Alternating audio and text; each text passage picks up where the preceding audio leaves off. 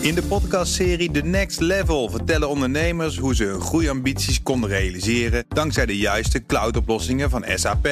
Wat waren de uitdagingen, de oplossingen en hoe ging de uiteindelijke implementatie? Benieuwd naar hun verhalen en hoe zij met behulp van SAP ook hun toekomstige ambities kunnen behalen? Luister de podcast The Next Level via de BNR-app of je favoriete podcast-app.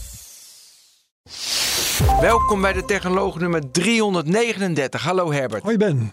We hebben Paul Adriani te gast. Hallo Paul. Hallo. We gaan het hebben over een onderwerp dat heel dicht bij ons hart ligt. Bij Herbert zoals bij Ben. We gaan het hebben over data en wielrennen. Toch? Ja, Je prachtig onderwerp. Prachtig onderwerp. Je werkt, je werkt bij KPMG. Klopt. En jullie hebben een samenwerking met het DSM-team. Ja. Toch? Ja, we werken al ruim vijf jaar samen met Team DSM als eh, Data Analytics partner. En wat betekent dat? Eh, dat we werken aan eh, geavanceerde data-analyse en eh, aan een dataplatform voor hun. En waarom doen jullie dat? Omdat wij graag eh, ehm, een, een werken ehm, met klanten om, nou ja, in dit geval is het echt te helpen met winnen in de sport op het hoogste niveau. En dat is voor ons een hele mooie case als partner om uit te dragen. En is het dan voor KPMG meer van een innovatiestukje? Het kost ons geld, maar dat is ook weer mooi. Ons, eh, het is een marketing tool. Of denk je er ook echt inzichten uit te halen die je kan gebruiken in andere business units? Waar zit die in jullie doelstellingen? Eh, het is een, eh, een marketing case, zo is die opgezet. Eh, maar vooral met het nadenken over hoe eh, eh, nou ja, maak je nou een organisatie meer data gedreven, is dit ook wel een hele leerzame case naar andere markten toe. Omdat in de sport gewoon heel veel eh, van die prestatie afhangt. Je kan heel direct zien of iets werkt of niet. En zo is zo'n eh, topsportploeg ook georganiseerd. Is het voor jullie een, een vorm van sponsoring of word je er gewoon voor betaald door DSM? Het is een vorm van sponsoring. Ja, dus je doet het om niet.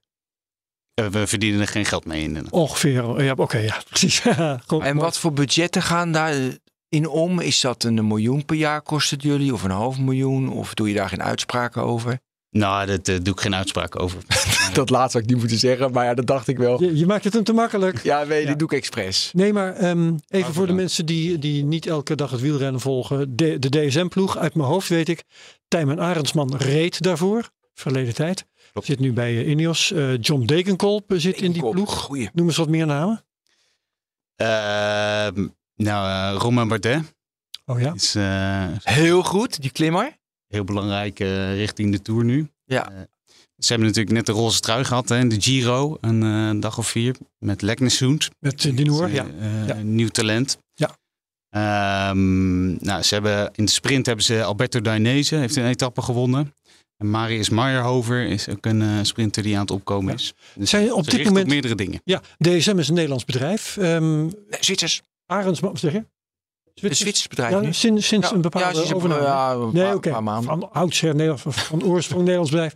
Ik zou meer Nederlanders verwachten in die ploeg. Ik, eh, volgens mij zitten er nu geen Nederlanders meer in. Hè? Niels Eekhof. Niels Eekhoff, Mar- Eekhoff. Martijn Oh, ja. Tussveld, Casper Ah. van Uden. En Oh. Tim nee. Naberman. Oh jee. Ja, jongens, het zit er vol mee. Hey, Maar het is wel, eh, je hebt gelijk, het is is, de een- jeugd. echt een internationale organisatie. Hè? Ja, Renners ja, ja, en staf. hey. En eh, komt het ook dat jullie een wielerploeg eh, willen kijken dat je als voorbeeld voor data, omdat die renners blind overal in meegaan? Omdat ze gewoon moeten? Nee, want dat is niet het geval. Ze gaan zeker niet blind overal in mee. Oh, dan wil ik gelijk al weten waarin gaan ze zeker niet in mee. Nou ja, je hebt zeg maar het klassieke moneyball effect in de sport heb je in het wielrennen ook. Er lopen mensen rond die er al twintig jaar rondlopen. En die weten er ook gewoon heel erg veel van. Ja. Nou, die overtuig je niet zomaar. En ja, het gaat om procenten eh, verbetering. Maar als je die wil doorvoeren in de organisatie en in de processen. Dan moet je Ja. wel sterke argumenten hebben. Het is niet zomaar eh dashboard zegt het, dus doen we het gewoon.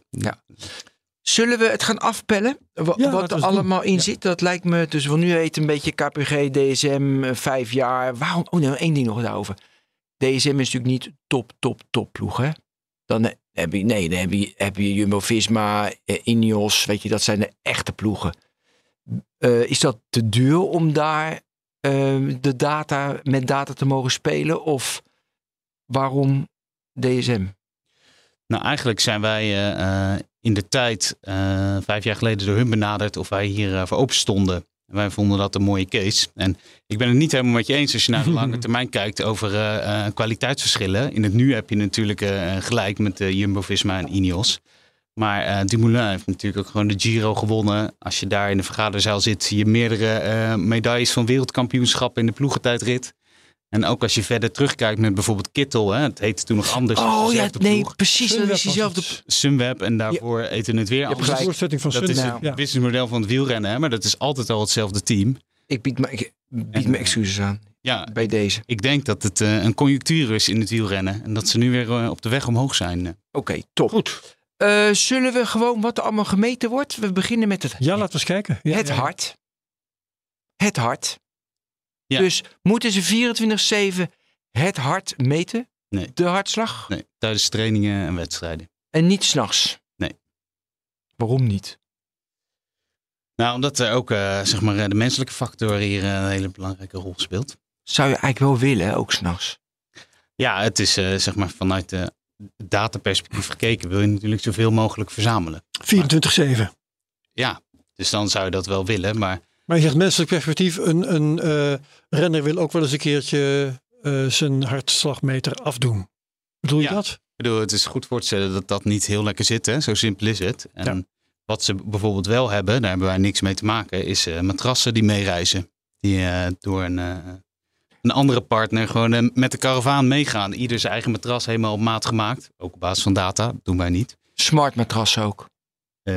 Weet ik niet zeker. Ik ben niet de specialist van de matrassen. Maar ik weet Ja. dat ze meegaan en dat het er veel zijn. eh. Nou ja, ik vind dit al echt verbazingwekkend, Herbert. Want dat je, je kijk, je ochtendpols hoger is een indicatie op overtraindheid. En ze zullen natuurlijk nu met bloed en op hele andere manieren indicaties hebben op overtraindheid. Maar het is niet hetzelfde wat je nu zegt. Hè? De ochtendpols meten kan je gewoon 's ochtends doen. Dan hoef je niet de hele nacht een hartstikke. ja, dat, daar heb jij weer gelijk in. Oké.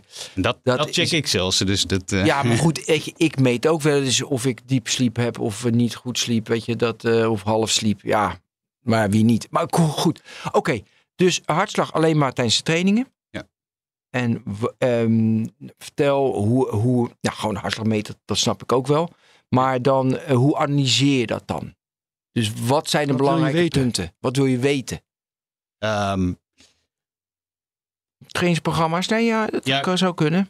kijk, waar wij eh, eh, ehm, eh, naar kijken, of wat er eigenlijk gebeurt, is die data die komt vanuit hun meters eh, eh, bij ons naar binnen op, Ja. het, op het dataplatform. Dat eh, beheren wij en hebben wij gebouwd. En daar doen wij analyses op. Ehm, en met specifiek hartslag aan zich doen wij niet zoveel. Maar bijvoorbeeld in trainingen, Ja. eh, daar komen zeg maar de, eh de fitfiles binnen. Hè? Dus dan heb je iedere seconde een JSON-filetje met allerlei gegevens, waaronder de hartslag. Het meeste wat wij daarmee doen is dat we eh, naar de vermogensdata kijken. En daar In relatie tot de hartslag. Ook in relatie tot de hartslag, ja. Dus in die JSON-file die je binnenhaalt is dus hartslag. Want dat, is, dat komt uit de training. Het vermogen. Ja. Zit, zit daar nog iets bij? Snelheid, cadans. Snelheid. eh, hoe, precies omwentelingen Cadans per is, minuut. ja, de trap. Ja, omwentelingen. Ja, Ja. Of frequentie. Ja, ja, precies. Die komt op jullie dataplatform binnen. Ja. Dat wil ik zo weten wat je, of iets specifieks hebt gebouwd of niet. Nou, kan je eerst misschien vertellen. Eh, ja, het is niet dat. Het is gewoon. eh, eh, het zijn standaard Microsoft componenten die we helemaal specifiek hebben gemaakt voor deze casus. Dus het is, Standaard software. Dat, is- dat was een van mijn vragen. Of je Ja. speciaal zelfgemaakte software had. Maar je gebruikt gewoon software van de plank. Het, het zijn Azure componenten als in eh, dat we eh, een standaard eh, database gebruiken. Maar alle algoritmes die er bovenop staan, ja, dat is natuurlijk allemaal handgemaakt. Oké, die maak je zelf. Ja, dat, Ja, ja. komt zeker niet van de plank. Want daar moeten juist de inzichten uitkomen. Ja, en daarin hoop je je ook te onderscheiden van andere ploegen, stel ik me zo voor. Ja, Dingen is- te vinden die zij niet vinden.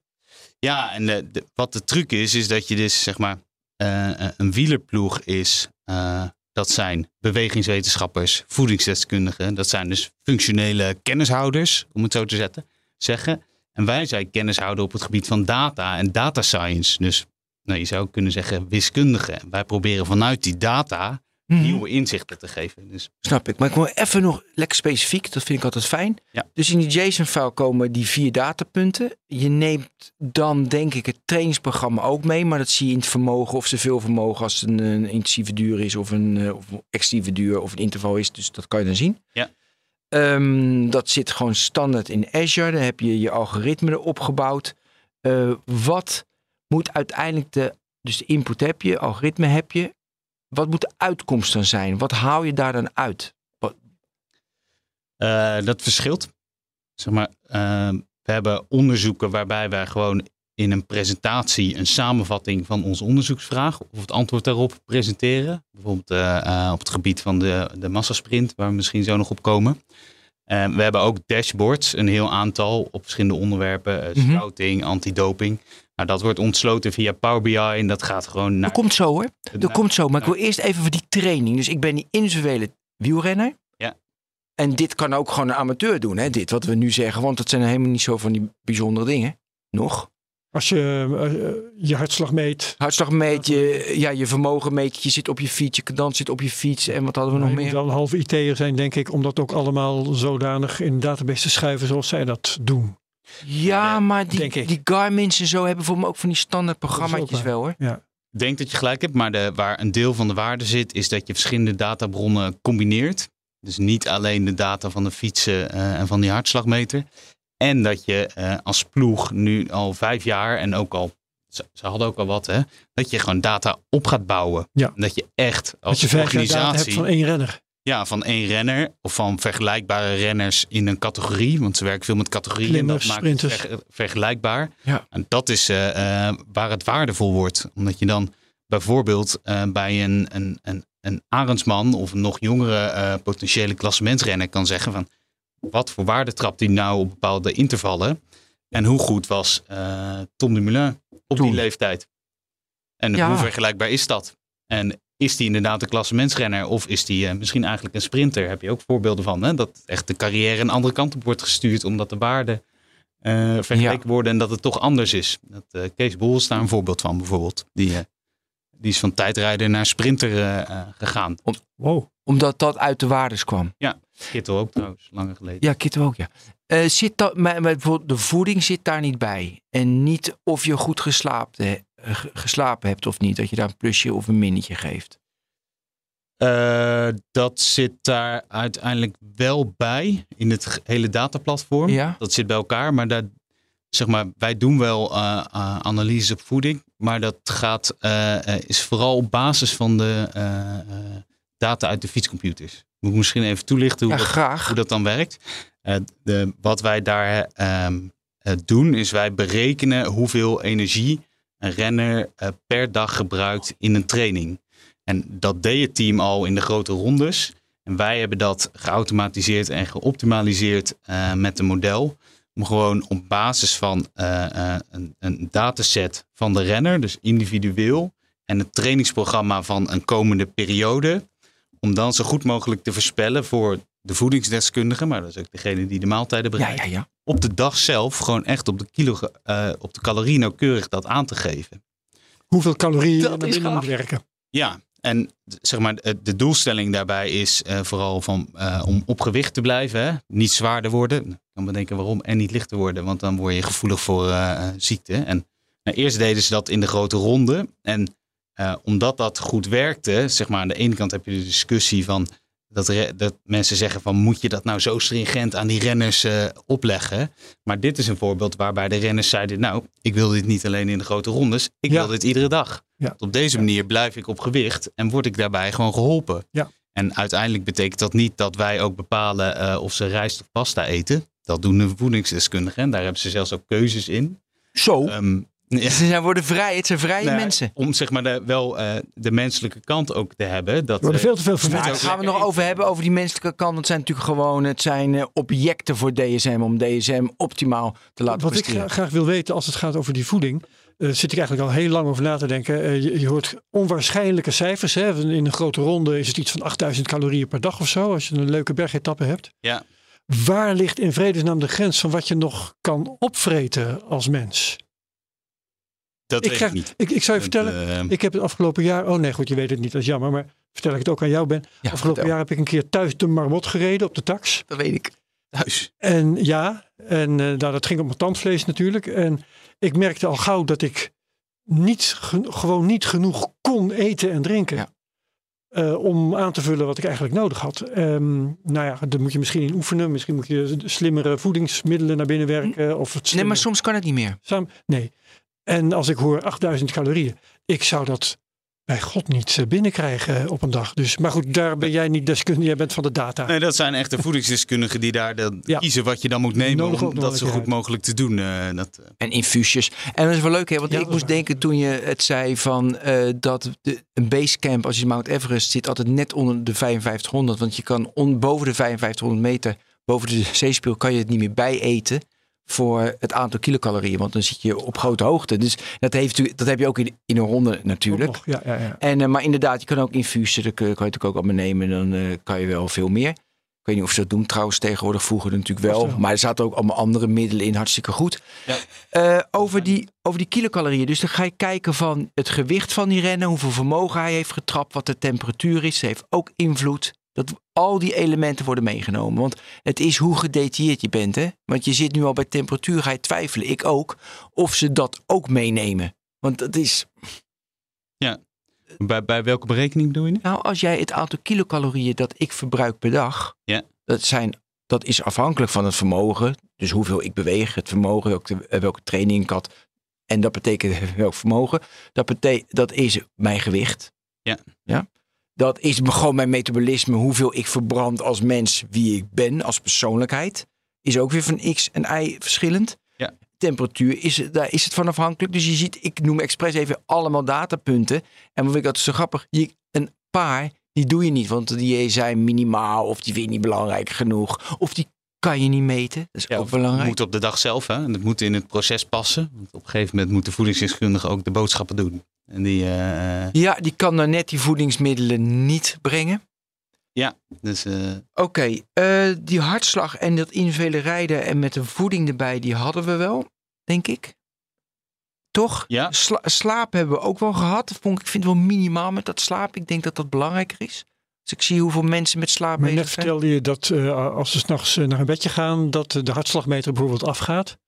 ja, Hoe- hoe meet ik, je dan- Ik ben er niet bij, hè? maar dat is wat Nee. ik begrijp. Dat alleen verplicht is tijdens training en wedstrijden. Oké, eh, want hoe meet je dan of een renner voldoende geslapen heeft? Wat voor apparatuur wordt daarbij ingezet?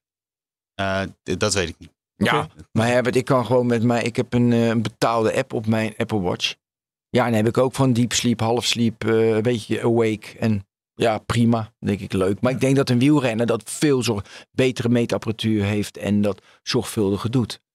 Ja, Nou, dat, dat, dat zou goed kunnen, maar dat zijn niet vragen waar wij ons mee bezighouden. Dus dat zit dan tussen de, eh, eh, de renner en de, eh, de trainer in dit geval, of eventueel een slaapwetenschapper. Want als je de, de wielerploeg bekijkt, hè, dan heb je zeg maar de, de renners en de trainers en de coaches. Je hebt een wetenschappelijk team en dan heb je een, eh, eh, een, een commerce team en een operations team. Tuurlijk. En in dat wetenschappelijke team zitten dus nou ja, zal, zit een slaapexpert en Ja. die functionele expertisegebieden. En wij krijgen vanuit die eh, expertisegebieden en vanuit de trainers en de coaches krijgen wij specifieke vragen die we dan beantwoorden. Ik wil even terugkomen op de voeding. Hoe kijk je, er is heel veel over te doen geweest naar de glucosemeter. Heb je daar, heb je, heb, heb je dat meegekregen? Nee, wat is daar? Oh, dus wielrennen heel veel te doen geweest. Het is nu verboden. Mijn trainingen gebruik van aard het nog steeds. En de andere renners ook. Dus renners die eh, hebben net zoals als je diabetes hebt, hebben ze een glucosemeter. En dan zorgen ze dat eh, de bloedsuikerspiegel op niveau blijft. Net zoals iemand met diabetes. Ja. En dan eten ze dus op zo'n manier dat de, dat de glucose op een goed niveau blijft. Dat ze niet, geen inzinking krijgen. En dat, het mag niet meer in wedstrijden. Was pas nog een wielrenner gedisqualificeerd, want die had het dus wel. Dan zie je zo'n een rondje achter op de arm. En dan, eh, ja, en dan, omdat ze daar nu mee trainen, voelen ze beter aan. Ik moet nu gaan eten, want nu zakt mijn, suik- mijn suikerspiegel. En nu hoef ik niet te eten. En, de, en ook, eh, ook hardlopers doen het ook. Dus je kunt dat trainen dat je voelt. En van aard Dan zegt, heb je die apparatuur ook niet meer nodig. en van aard zeg, ik doe het dan met trainingen. Dan voel ik precies aan hoe en wat. Zodat ik in wedstrijden beter voel van, hé, nu moet ik eten en nu hoef ik niet te eten. Eh, wij- wij, zeg maar vanuit de data, eh, do- doen dat niet. Dat weet ik niet. Ik heb wel een vergelijkbaar voorbeeld waarbij dit ook speelt. Dat het in wedstrijden niet mag en in trainingen wel gebruikt wordt. Ja. Dat is misschien wel eh, eh, mooi om te vertellen. Ehm, een van de systemen die wij hebben gebouwd is voor de eh ploegentijdrit. En daar hebben we eh, zeg maar een, een systeem gebouwd wat de data uitleest van de eh, renners die in het treintje zitten. Die dat, na, dat wordt naar de cloud gebracht, daar geanalyseerd, een systeem gebouw, voor gebouwd. En dat komt vervolgens in de auto of bij de coach op een dashboard die precies ziet. Live. ja, met een, de, de, opdracht was met een latency van 1 seconde, mocht het. En dan nou, ga je nadenken over waar rijden ze allemaal en hoe doe je dat dan met mobiele netwerken. Dat is ingewikkeld. Maar wat er tijdens dat project gebeurde is dat er een regel vanuit de UCI ingevoerd werd dat er uh, niet gecoacht mag worden op live data. Dus wij wilden Zo. dit inzetten toen de tijd voor de ploegentijdrit in Brussel. En nou, ik ben daar zelfs op de fiets geweest om te testen of daar met dat netwerk dat werkte. Maar tijdens dat project is dat dus teruggehaald. Um, hebben we het wel afgebouwd en zijn we het gaan gebruiken in trainingen. Want dat is de vergelijking. En hoe dat dus werkt, is dat je in de ploegentijdrit kijken we van, er wordt van tevoren een plan gemaakt. Dat is op, een, op basis van een model van de TU Delft. En op basis van ons systeem wordt er gecoacht op dat plan. Ja, maar het is echt, het moet echt specifieker. Want welke data meet je als ze aan het fietsen zijn? Is het dus weer het vermogen, uh, de windrichting, denk ik. Moet even welke datapunten je vermogen, allemaal pakt. snelheid, hartslag en uh, W-prime in dit geval. Van, is dat? dat is representatief, zeg maar, voor of een, een methode om de batterij, de energiebatterij van de renner uh, te berekenen. Dus hoeveel energie heeft hij nog? En dat kan leeggaan tijdens een ploegentijdrit en dan gaat hij eraf. Of dan doet hij een Gaaf. zogeheten suicide run. En dan gaat hij nog één keer heel hard voorop en Eén dan keer, ben je hem kwijt. Um, of ja, als je het goed doet, want de ploegtijdrit, als je er vanuit de data naar kijkt, is uiteindelijk één grote batterij bestaande uit kleine batterijtjes. En die wil je helemaal leegtrekken. En nou ja, laat je ze te hard, te snel fietsen, dan zijn ze nog niet bij de finish. En dan, dan stopt het. Maar als je ze te langzaam laat fietsen, dan is, is, de batterij nog niet leeg. Ja. Dus dat is een hele mooie uh, manier om ernaar te kijken. En hoe je de renners dus kan coachen op dat ze de goede beurten maken. Want daar komt het uiteindelijk op neer. Maar van de UCI, hoe lang op, ja. op, op kop. Van de UCI mag dat dus niet? Nee, dat mag niet in wedstrijden. Dat klopt. Oké, okay, dus dan hebben ze, dus jullie, dus die renners individueel. Dat is één, vind ik wel leuk, die batterij zie ik voor me. Een grote batterij. Dan hebben ze gewoon een simkaartje. Dat gaat naar, uh, dat gaat naar Ierland, denk ik. Als die datacenter in Ierland staat. Of hier, uh, of in de Wieringen meer. Staat die, is die trouwens al ge, gebouwd, die Azure? Van, Wieringen weet ik niet. Weet ik niet. Wolde in elk geval niet. Nee, die niet. uh, Oké, okay, en dan hebben jullie, dus dan berekenen jullie wie waar neer op kop. En in trainingen kan je dus zeggen van ja, jouw batterij vriend, kom op, oortje in. Jij moet even wat harder. Ja, maar het is meer, uh, uh, jij moet minder lang op kop. Omdat, zeg maar, een ja. renner wil zich... Altijd meer. Wil, wil, wil meer. En die heeft een natuurlijke neiging om uh, langer te gaan. Vooral als hij zich sterk voelt. Dan uiteindelijk goed is voor hem en goed is voor het team. Dus dat, is, dat kan gebeuren. En de situatie was zo dat er een, de, de, de, de auto rijdt erachter. En de, ja, de, de inschatting van de snelheid was gewoon in de auto.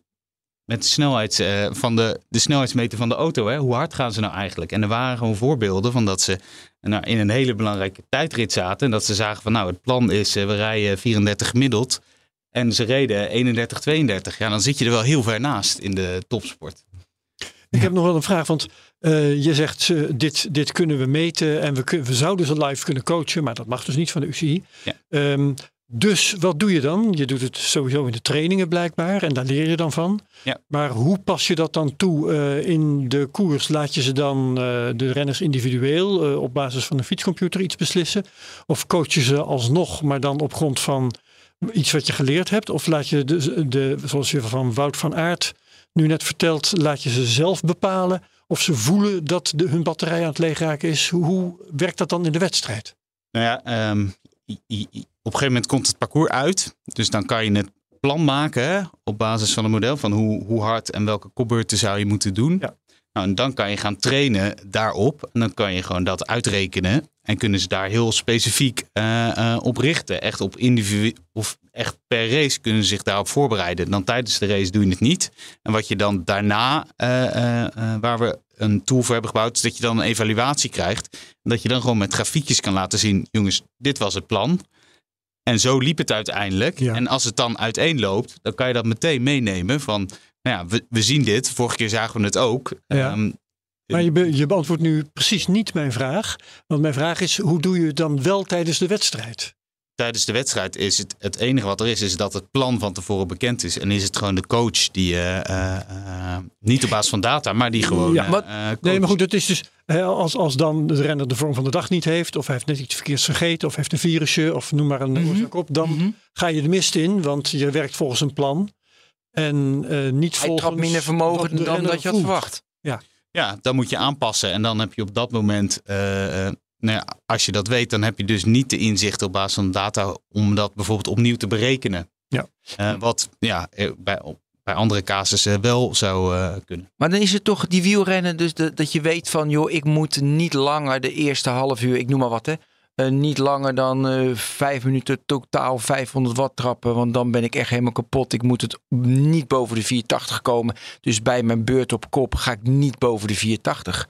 Dat is toch een beetje wat je dan een individuele renner in zijn hoofd heeft. En eh, als hij ziek is geweest of voelt zich niet lekker, ja, dan voelt hij van, oké, 480 is al te veel, ik hou hem even op 460. Ja. Zo, Ja, plus- toch? Plus hoe lang je dat dan moet doen, hè? Ja, maar dat weet je van tevoren. Want je hebt zoveel getraind dat je weet, ik kan maar 480, kan ik maar normaal gesproken vijf minuten rijden. Ja, Toch? Nou, nou, niet vijf minuten, maar het gaat eerder om de verschillende. Ja, maar daarna, nee, door, dan draai je op kop, ik doe op kop 480. Ja. Want dan draai je, in, als je in, in een wiel zit, dan heb je natuurlijk maar 350 of 300. Dan heb je minder. Ja, en daar kan je ook weer aan rekenen hè, vanuit de windtunnel. Van, eh, eh, hoe groot is de renner en wat is nou de optimale volgorde? Klopt. En dan is het leuke wat ik. Kijk, wat ik, ik vind twee aspecten hierin verschrikkelijk grappig. Eén, je hebt hele domme wielrenners. Die denken, huh? Ja, allemaal getraind, allemaal gelul beuken. Weet je, ja, en die vergeten dan dat ze maar 5 minuten 480 hebben. Die vind ik heel grappig. De tweede die ik heel, heel grappig vind, is jezelf overtreffen. Gewoon dat je, weet je, normaal in alle testen, alle trainingen, weet je, is het gewoon, ik, ik trap 10 minuten 500 of ik trap 3 minuten 650 eh, in de Tour, prima. Ja. Maar wat er nu gebeurt, Dumoulin heeft dat een paar keer gehad, dat hij verbaasd was na afloop van, nou, wat is er nu met mij gebeurd? Ik heb iets gedaan. Dat, dat, dat, dat bestaat niet. Hoe, Ja. hoe kijk je naar het eerste? Dus eh, domme renners die echt geen idee hebben en dan toch weer ineens weer veel te hard weggaan. Ja, nou, Veel te daar zijn, voorzichtig. eh, helaas eh, goede voorbeelden van. nou, noem ze maar. Nou, Eh, nou. nou, dat, dat zal ik niet doen, maar het, voor ons is dat natuurlijk ook wel weer vergelijkbaar met hoe dat in andere organisaties gaat. Dat daar uiteindelijk moet je die renner beter maken. hè. Dus als die renner niet goed snapt wat jij tegen hem zegt, of hij kan niet eh, de combinatie van hoe hard hij moet, of hoeveel vermogen en het aantal seconden in zijn hoofd houden. hè. En bij een ploegtijdrit, nou, dan is het misschien dom. Maar als je het over de massasprint hebt, is het eerder begrijpelijk. Hè? Dus dan, dan moet je dus andere manieren gaan vinden om dat optimaal te coachen. Of misschien wel niet hè, in de massasprint. Want daar kan het gewoon uiteindelijk niet in de laatste kilometers. En daar moeten wel heel veel besluiten genomen worden. Dus dan krijg je een functioneringsgesprek. Ehm, Dan nou, krijg je een evaluatie. je, je hebt vooral eh, zeg maar een, een, een continu proces met de, eh, eh, de, de experts en de trainers. Van Nee, hoe snap. gaan we dat brengen? Dat snap ik. Oké, en die tweede, overtreffen? Ehm, ja, dat, dat gebeurt hè. En zeg maar, aan dat, ehm, ja, dat kan gewoon. En dat kan je dan outliers noemen eh, vanuit de eh, data-analyse gezien. En dat heb je aan de onderkant en aan de bovenkant. En, en ja, in, in zekere zin hoort dat er gewoon bij. In data-analyses halen we die wel vaak eruit, hè, want dat verbetert het model dan. Ehm, maar eh, waar wij dat ook bijvoorbeeld voor gebruiken, is dat soort outliers, is dat we eh, ehm, eh, dashboards maken om, naar, om het antidopingproces zeg maar, in de gaten te houden. Van iemand kan te harder trappen dan normaal of een keer exceptioneel presteren. Maar vanuit de data kan je wel dingen zeggen van. Nou, nu, nu is de echt groeicurve wel, wel heel groot. En dan is het niet eh, eh, guilty, hè? zeker niet. Maar zeg maar, het dashboard kan dan het startpunt zijn van een proces. Dat er een gesprek wordt gestart met de renner van hey, jouw, eh, nou, ik noem maar wat, één minuut interval groeit nu zo snel over de afgelopen maanden, jouw prestatie daarop. Hoe kunnen we, hoe kunnen we dit verklaren? Ja. Dat, eh, Maar dat, staat, maar dat combineer je dan weer met zijn bloedpa- bloedpaspoort, neem ik aan. Toch? en daar ben ik niet bij betrokken. Oké, dus, eh, dus, dus die data krijgen jullie niet? Nee. Wat er in zijn bloedpas... Nee. Dus al zijn bloedwaardes nemen jullie niet mee? Die zien wij niet. Dat is ook raar, hè?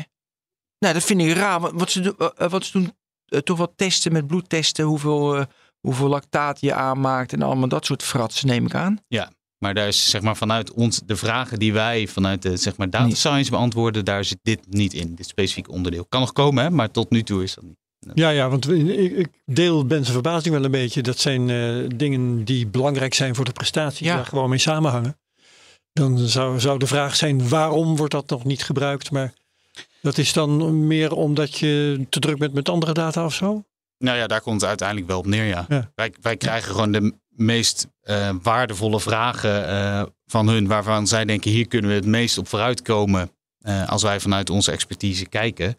En één keer per jaar brengen we dat in kaart en dan kijken wij vanuit de data science van, heeft dat dan ook echt zin? Ja. Is er genoeg data? Heeft het zin om hier een, een machine learning model voor te maken? Een soort exploratie is dat dan.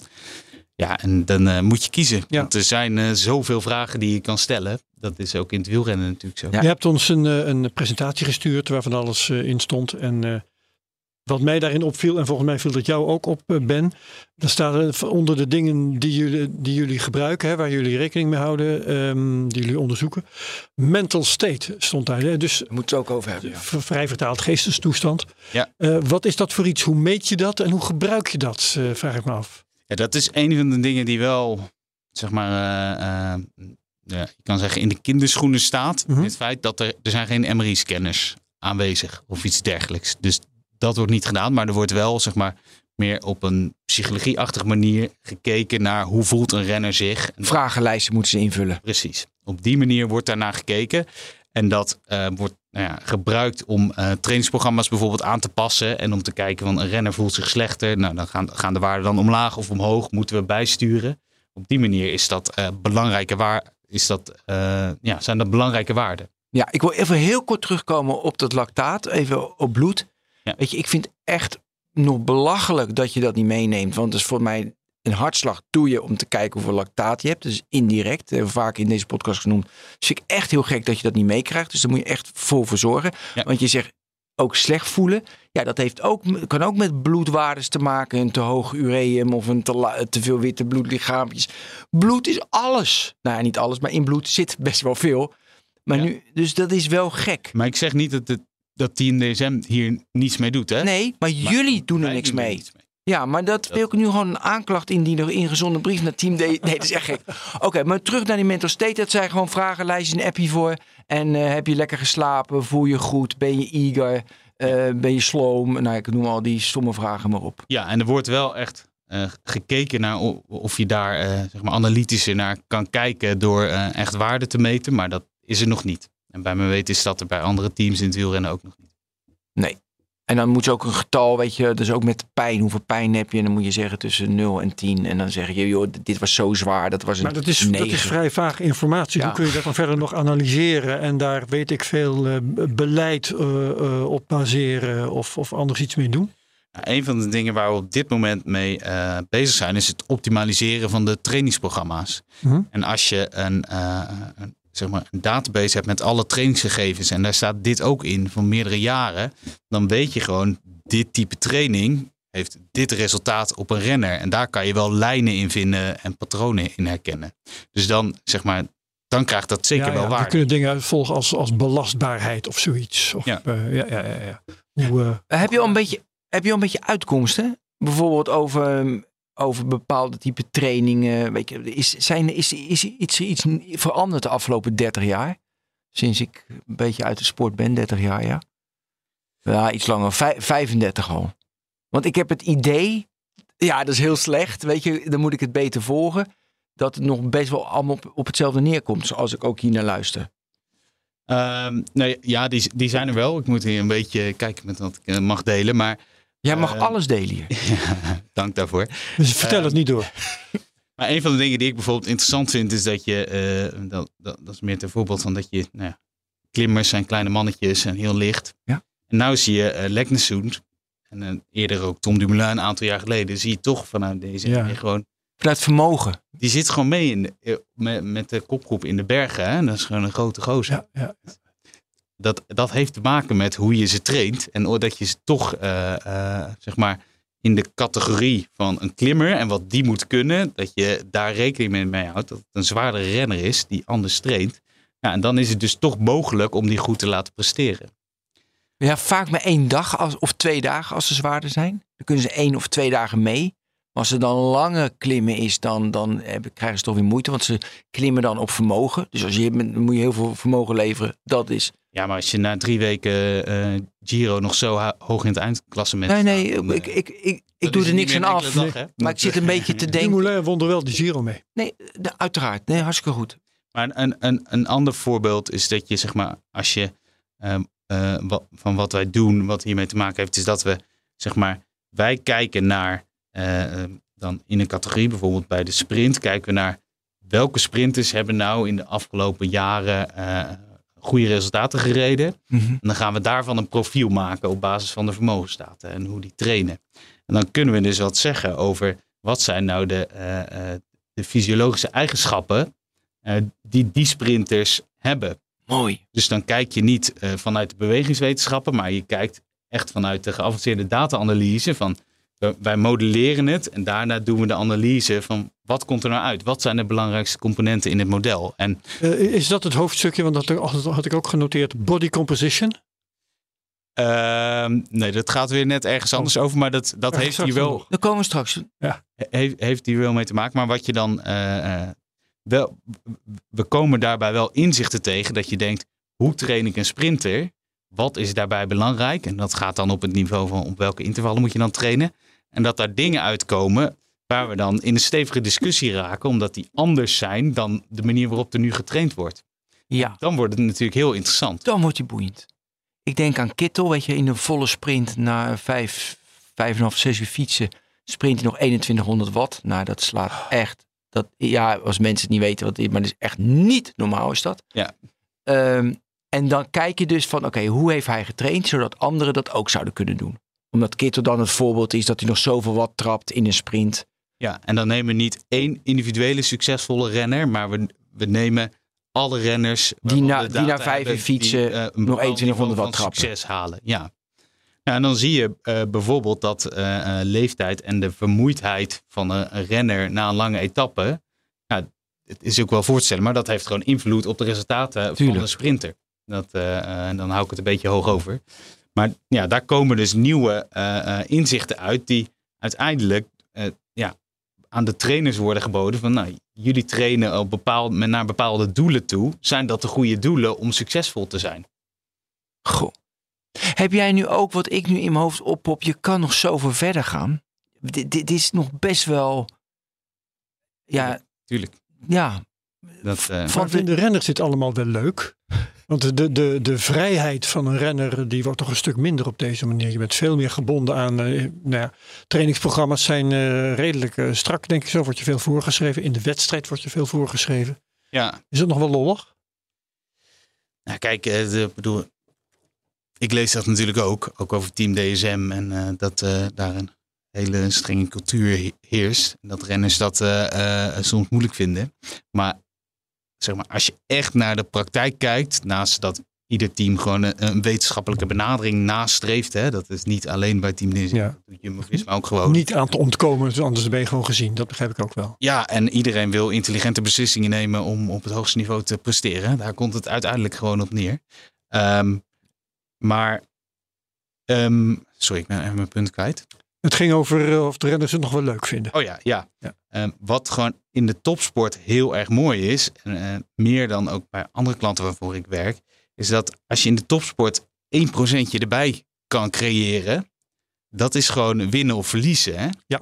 En dat, dat doet iets met die organisatie. Dat ze eh, daar wel open voor staan en naar zoeken naar die hele kleine verschillen. En dat ze dat ook wel, zeg maar dan, ja, ze, ze moeten zich ook steeds wel verbeteren. Want de andere, eh, de, de concurrentie doet het ook. En, Weet je, weet je wanneer dit echt helemaal in mijn gezicht eh, sloeg?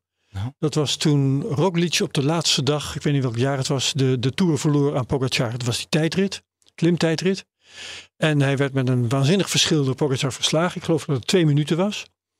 En toen was na afloop dat team van Jumbo-Visma bij elkaar. En volgens mij zat hij nog op het, eh, op, op het asfalt, Roglic.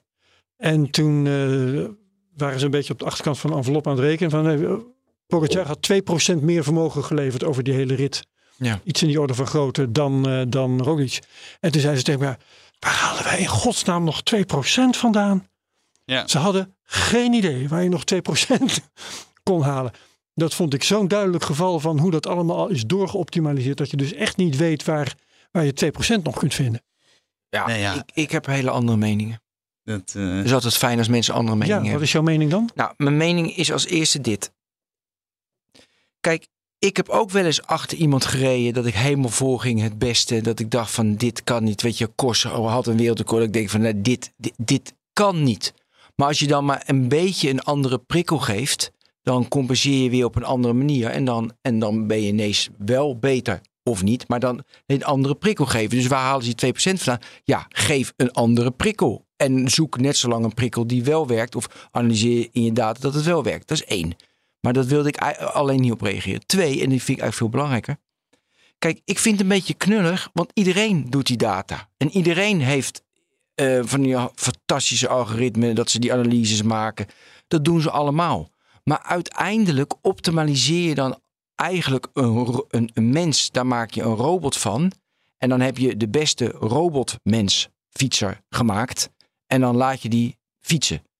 Maar daarmee win je uiteindelijk niet grote wedstrijden. Grote wedstrijden, dat is ik, Joris van den Berg. Ik had het nog even opgezocht. De legendarische Joris van den Berg. Herbert kent hem. Jij zit te kijken, wie is dat? Nou, die schreef ooit een boek, De mysterieuze krachten van de sport. Dat was in 1930 of zo. Ja, ik ben een oude man. nee, maar er zijn... Dus, kijk, waarom Toen ik sport... ben hier al rond. Hè? Ja, waarom sport sport is, is omdat de mysterieuze krachten van de sport, dat de mysterieuze krachten zijn. Dus waar hou jij, dus even naar een vraag toe, waar hou jij de mysterieuze krachten vandaan? Want nu ben je het aan het optimaliseren, maar uiteindelijk doen ze het allemaal. En dan heb jij, weet je, dan geef je 3 miljoen aan een andere renner en die is ook goed. Je moet het unieke, het onverwachte. Dumoulin wint de Giro, dat was uniek.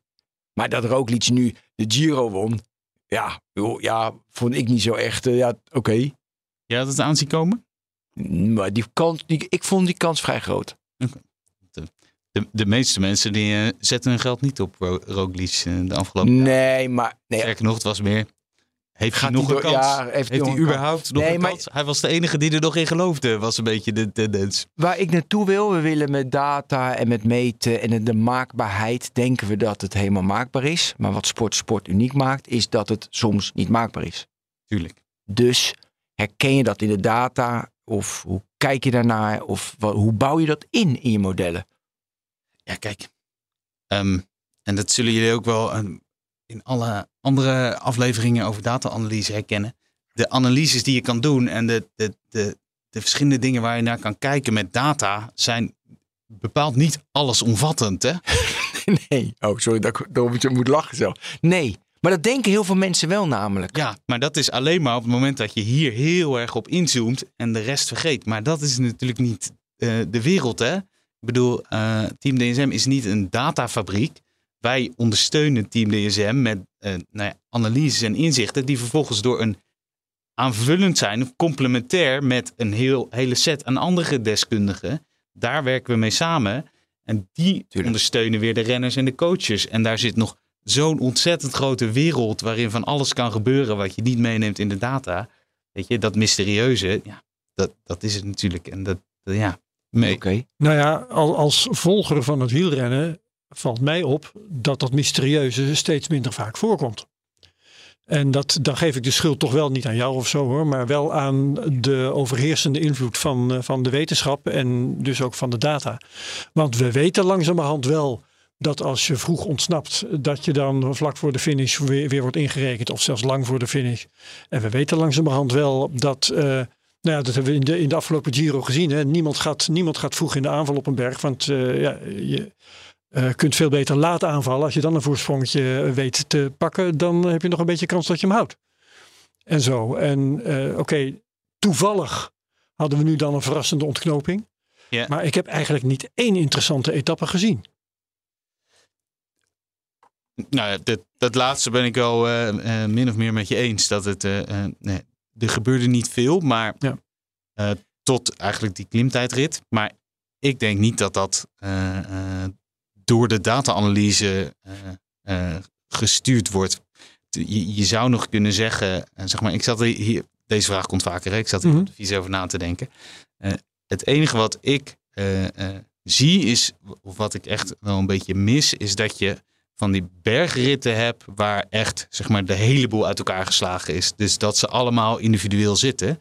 Terwijl juist op een berg heb je niet heel veel aan, je, eh, aan een peloton om in te zitten als het echt stijl wordt. Dus daar zou het nog wel kunnen. Terwijl op de vlakkere etappes heb je daar veel meer aan. En daar gebeurt het wel. Want Ja, bedoel, ja. als de hele Giro feest met allerlei ontsnappingen. En dat is het altijd wel.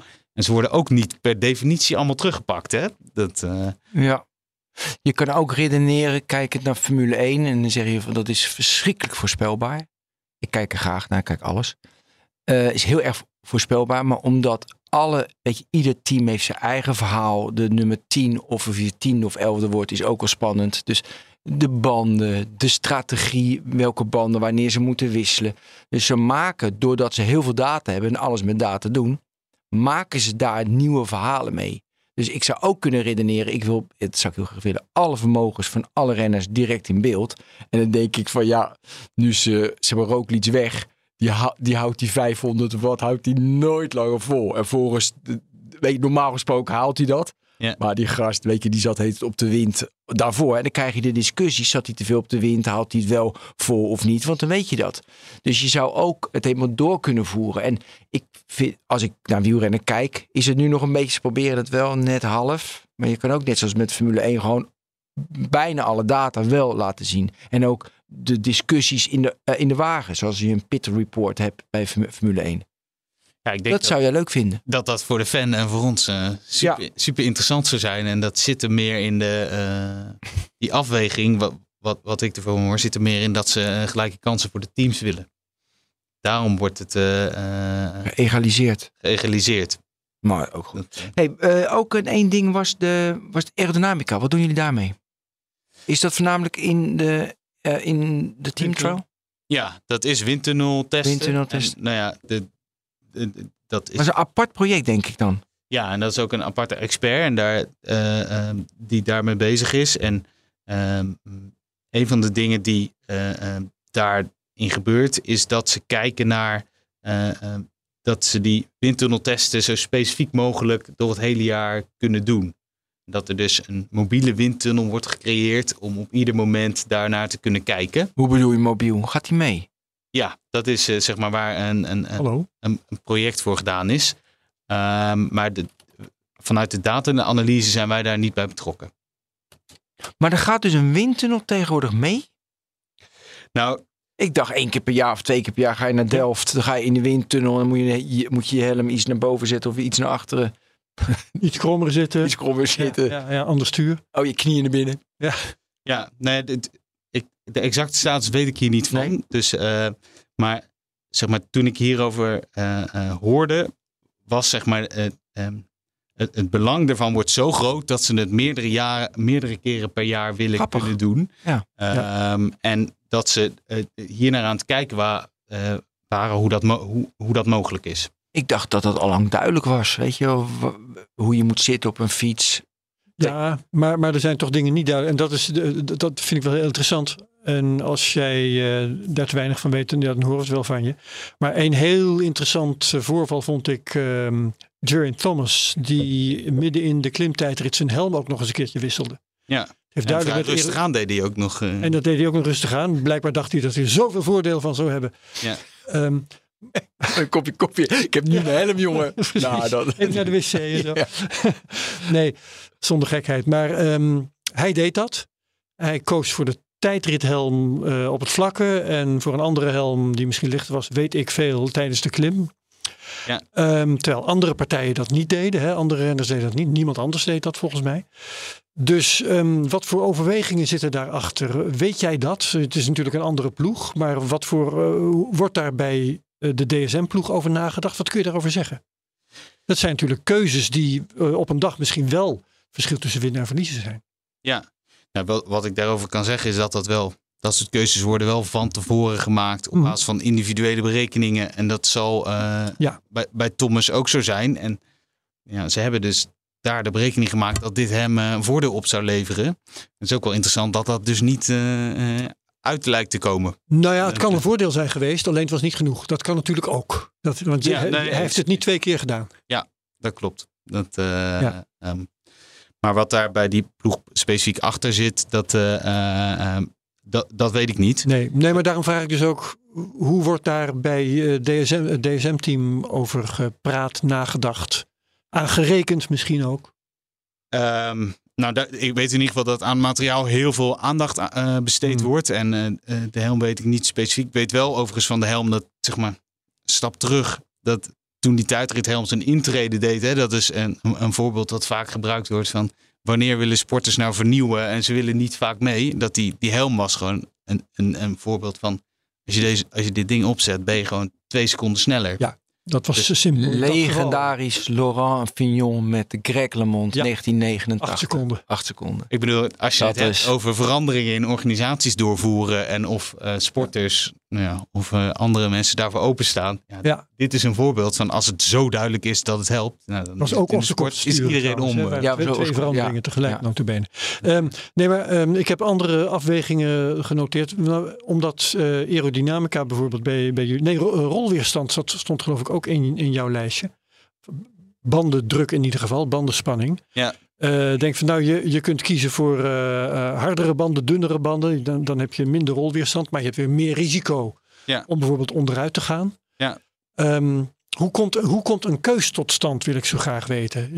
Ik weet dat ze in Parijs-Roubaix iets lagere bandenspanning kiezen. Andere koersen een hogere bandenspanning. Maar hoe komt zo'n keus tot stand? Ja, wat, ehm, wat, wat- die keuze wordt gemaakt tussen renner, eh, coach en expert.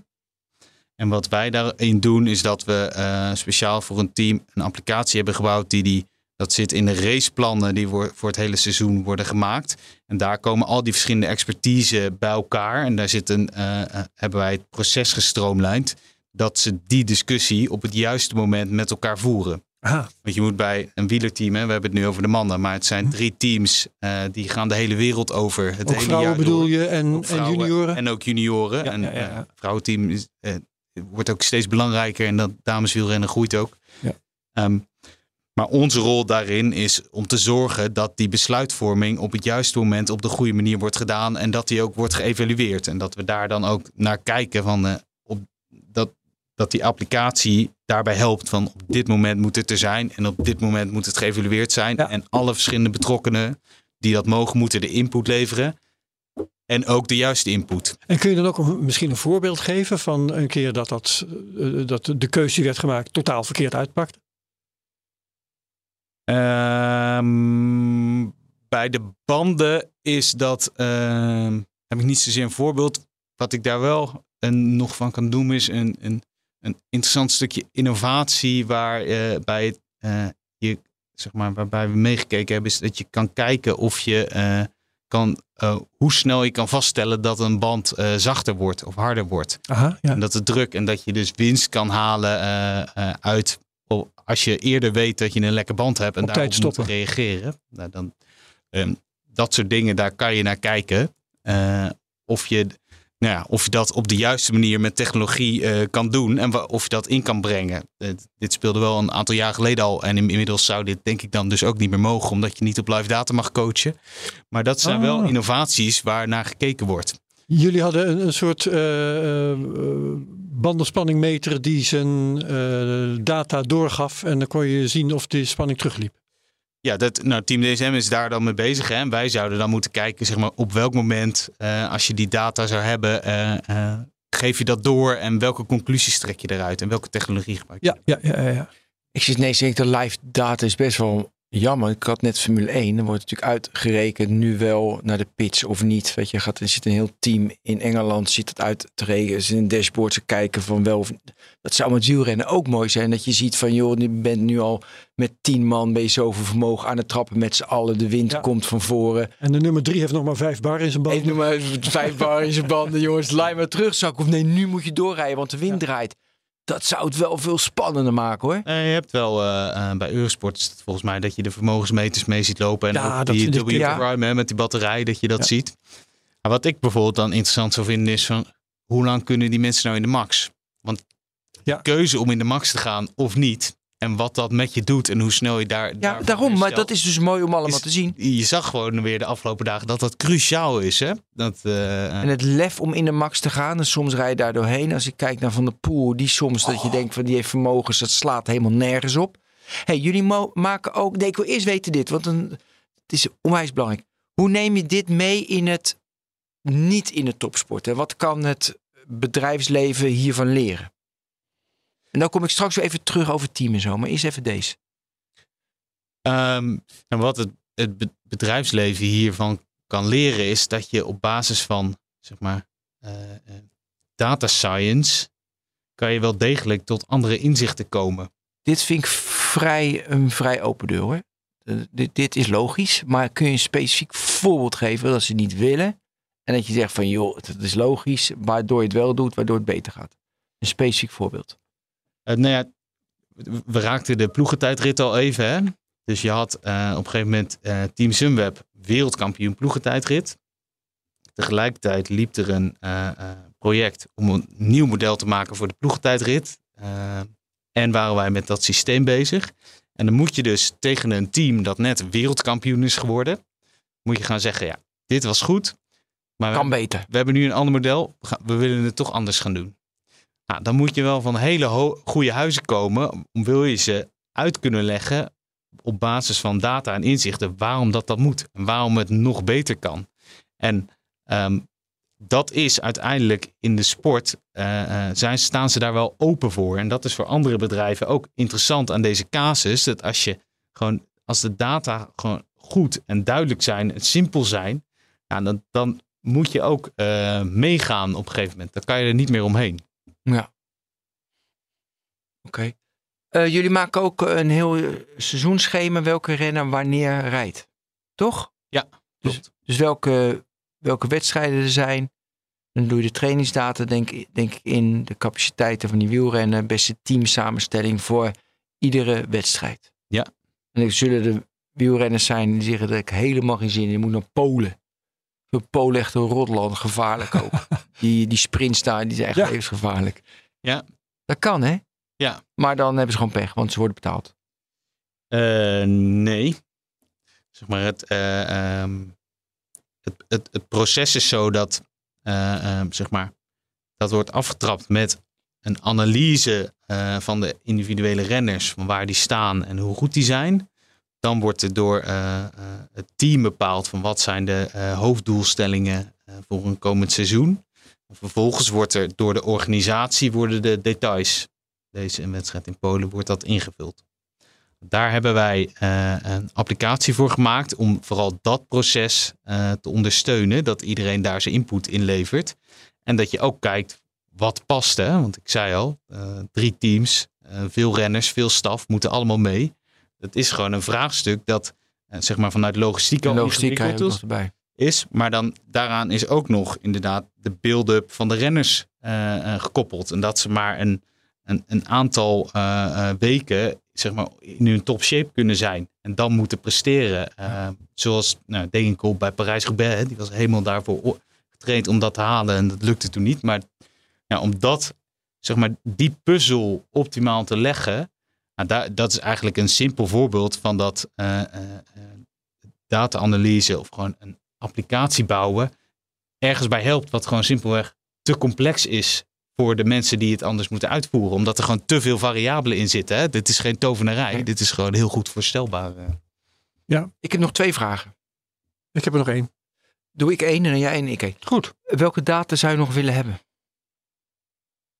Dus ook van andere ploegen bedoel ik. Weet je, ik, ik zit nu een beetje van, nu zitten jullie te klooien en eh, team eh, eh, Jumbo-Visma zit te klooien. Ineos zit te klooien. Maar ik, ik zie nog rijkere data. Zodat je dat een beetje deelt met elkaar. Dat je nog betere analyses kan krijgen. En dat je nog betere verhalen kan gaan vertellen over de renner.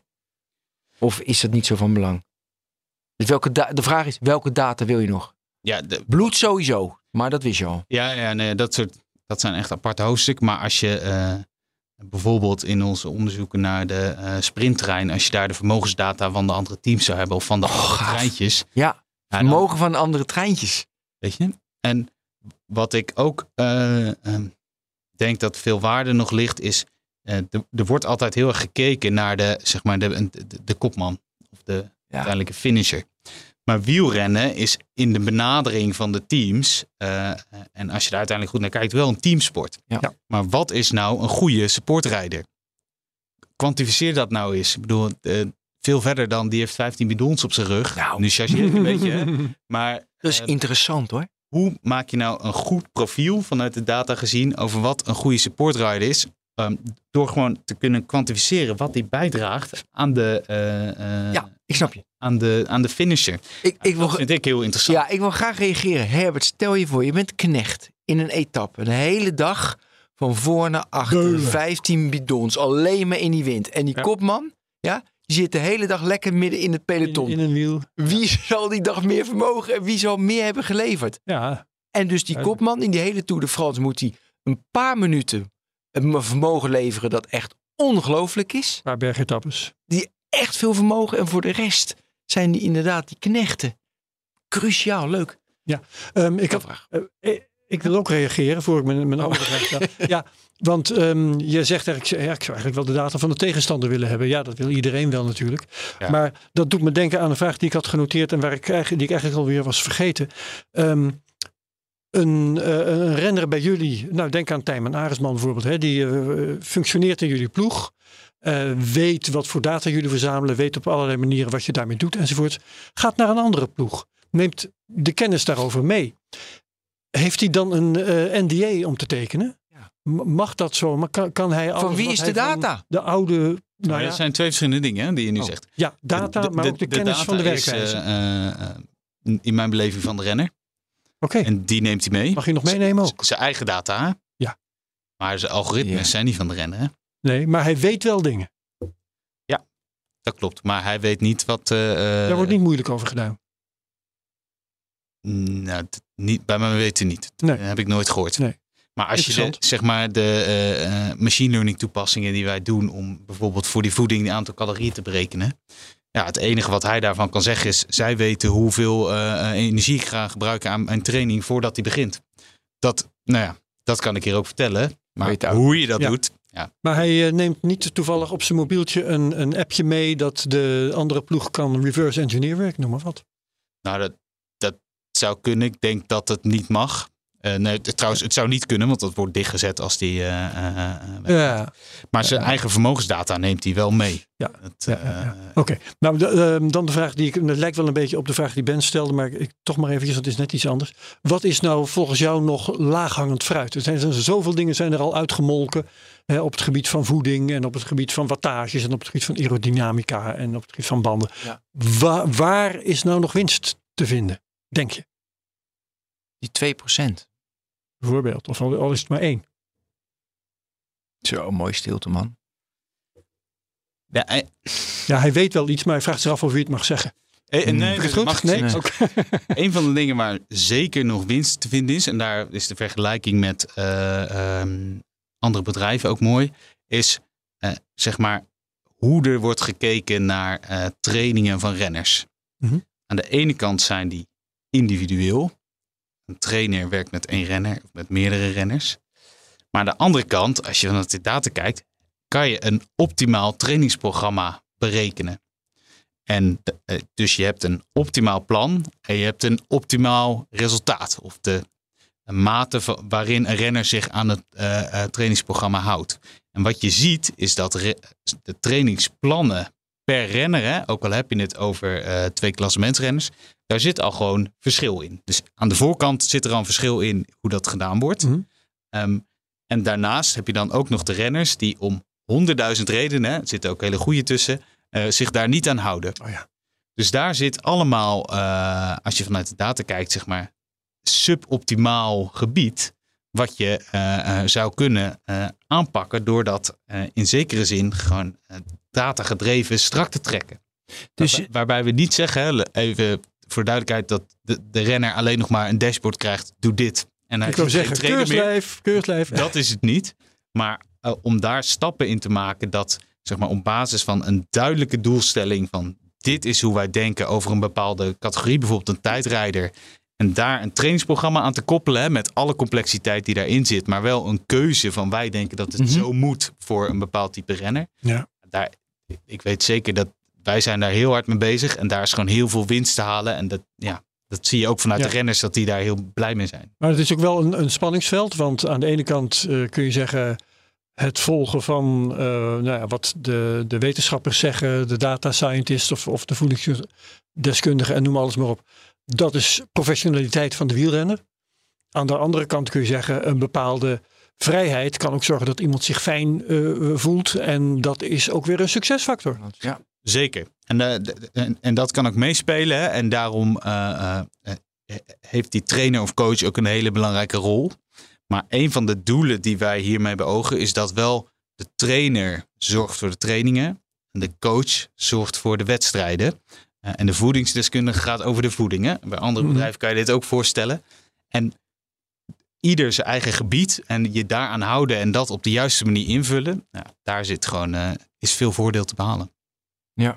Ik heb, eh, in mijn laatste vraag was, is nu totaal irrelevant. Het ging, het ging over open source, alles op GitHub. Dat iedereen open, dat alles openbaar is. Maar die is al behandeld dat jullie dat niet doen. En dat het met data meenemen, dat, dat het niet zo is. En Ja. eh, En Wat nogal aardig is om daarbij te vertellen, is dat in de scouting en de transferwereld van Ja. het wielrennen heeft data dus ook daar een rol wel. Hè? Dat renners, als ze over een transfer denken, dan is het, eh, mogen we naar je data kijken. En die wordt dan, eh, zeg maar, op de, de- wij maken algoritmes om die dan te interpreteren, om te, iets te zeggen over hoe goed is deze Ja, goed, wat ja. is de potentie. oh, zijn dat dan vaste trainingstesten? Zijn dat, zijn dat vaste testen dat ze dan moeten trappen bij die leeftijd? Ja, dat, nou ja, dat zijn eh, eh, maximaal testen bedoel Maximaal dan, testen, ja, ja. Ja, dat zijn, 2,5 eh, dat zijn niet zoveel datapunten, maar die zitten Nee. er zeker in. Die zitten Maar erin. Ik bedoel, gewoon de hele trainingsdata gaat mee. Ja, Oké. dat bepaalt ook dan mee de, de waarde van de renner, denk ik. Hè? In elk geval, als je die data niet hebt, dan wil, durft niemand hem te kopen. Ja, precies. En hoe beter die data is, hoe meer de renner ook Ja. kan eh, op. En dat is niet anders, hè? Want de renner moet ook een teamsporter zijn, want anders gaat het nog niet lukken. Ja. Dat, maar dit speelt een rol. We zijn klaar. Nog tot slot, wie gaat de Tour winnen? Dat is een hele makkelijk, toch? En Rome Bardet. Dag, dag. Echt Sorry, niet. hoor. Oké, dit was... Leuk eh, geprobeerd. ja, leuk geprobeerd. dit was het technoloog nummer 339. Bedankt Herbert. Dankjewel, Ben. Bedankt Paul Adriani. Jullie bedankt. Ja, dankjewel. Tot de volgende technoloog. Hoi.